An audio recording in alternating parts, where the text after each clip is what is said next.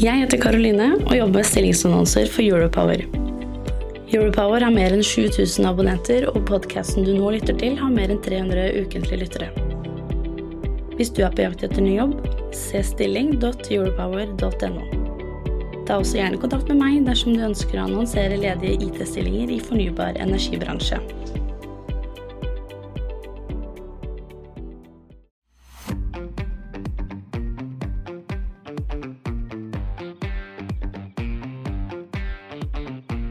Hei, og velkommen tilbake til eh, Europowers strømmarkedet på tre minutter. Vi har lagt bak oss eh, nok en uvanlig uke, og da spesielt da med fokus på pinselanghelgen. Hvor altså på søndag så havnet eh, strømprisene helt ned i minus 12 øre per kWh i de fleste områdene i landet. Det betyr altså at forbrukerne fikk 12 øre kWh. de brukte midt på dagen. Eh, det skyldes jo i stor grad eh, at det ble utrolig lave priser på kontinentet. Flere steder var det mer produksjon av eh, fornybar, altså ikke-regulerbar kraft, som da gikk utover det som de greide å forbruke selv. Og dermed så importerte vi ekstremt billig strøm. Nederland hadde jo priser helt ned i nesten minus 5 kroner kilowattimen, mens Jylland de var altså nede i 1 krone og 55 øre på det laveste. Nå viser altså analyser fra Energy Quantified at uh, disse negative prisene de må vi forvente i helgene fremover. I alle fall de to neste helgene, som da ligger i deres korttidsanalyse. Ser vi litt større bilde, så ser vi at uh, ukesnittprisene de er på vei ned. Sist uke, avsluttet av nesten med pinsen der, så ble det den lavest prisede uka i eh, hele landet. Eh, vi ser også at eh, resten av Europa også har fallende priser, og selv England fikk altså en pris under én krone, som er jo gjerne det området som har de høyeste prisene. I alle fall blant de landene som vi utveksler strøm med. Mai i helhet ble jo også en ganske rimelig måned, og for Sør-Norge så må vi helt tilbake til august 2021 for å finne en lavere månedssnittpris. En av eh, årsakene til at eh, prisene faller, i alle fall i eh, Europa, det er altså fallende råvarepriser. Gassprisen den er i en god trend nedover. Den har falt to tredjedeler nå siden nyttår. Og på torsdag denne uken så falt altså prisen altså under 25 euro. Og da er, vi, da er vi nede på nesten det som var normale priser i forkant av krigen i Ukraina.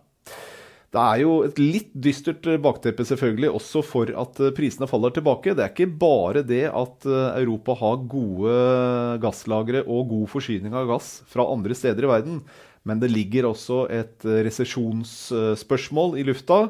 Og forbruket av gass er jo på vei ned, og det, det har jo noe med at det er lavere aktivitet også i industrien i, i Europa. Det som kan dra opp gassprisen, det er at uh, asiaterne får appetitt på flytende gass. Igjen, de hadde jo det før Europa begynte å støvsuge markedet. Uh, hvis de ønsker å kjøpe gass igjen, så må det kunne forventes at uh, også den europeiske gassprisen stiger, og dermed også strømprisen. En annen faktor som påvirker europeiske strømpriser, er jo klimakvoter som også er på vei ned, av eh, ganske lik årsak. Rett og slett at eh, markedet forventer lavere etterspørsel, lavere utslipp fra industrien. Og det betyr i det korte bildet at det er mindre industriaktivitet. Dermed også en lavere aktivitet i økonomien. Fremover så litt vanskelig å se hva markedet forventer av priser fremover. Fordi fremtidsmarkedet i Norden det er ganske dødt. Det handles noe innen de eh, kontraktene som heter systempris, altså de som er felles nordiske. Men de lokale strømprisene, altså for å se hva prisene blir i, eh, på prisområdene, der er eh, veldig lite gjennomsiktighet og i hvert fall lite handel av disse kontraktene. Men av det som er tilgjengelig, så kan vi iallfall se at markedet forventer dette prisområdet som vi har nå, gjennom sommeren, mens eh, inn mot høsten så stiger prisen igjen. Og det er ikke så veldig unormalt, men eh, at vi får priser over en krone igjen i Sør-Norge, det tror jeg nok ikke skal være veldig usannsynlig. I Midt-Norge og Nord-Norge så ligger det jo ca. på halve prisen, eh, også i årene fremover. Men følg med på Europower daglig, så er du oppdatert til enhver tid. På gjensyn.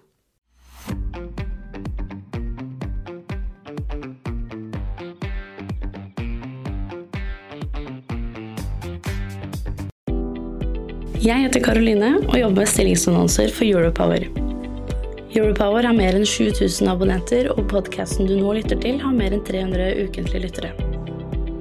Hvis du er på jakt etter ny jobb, se stilling.europower.no. Ta også gjerne kontakt med meg dersom du ønsker å annonsere ledige IT-stillinger i fornybar energibransje.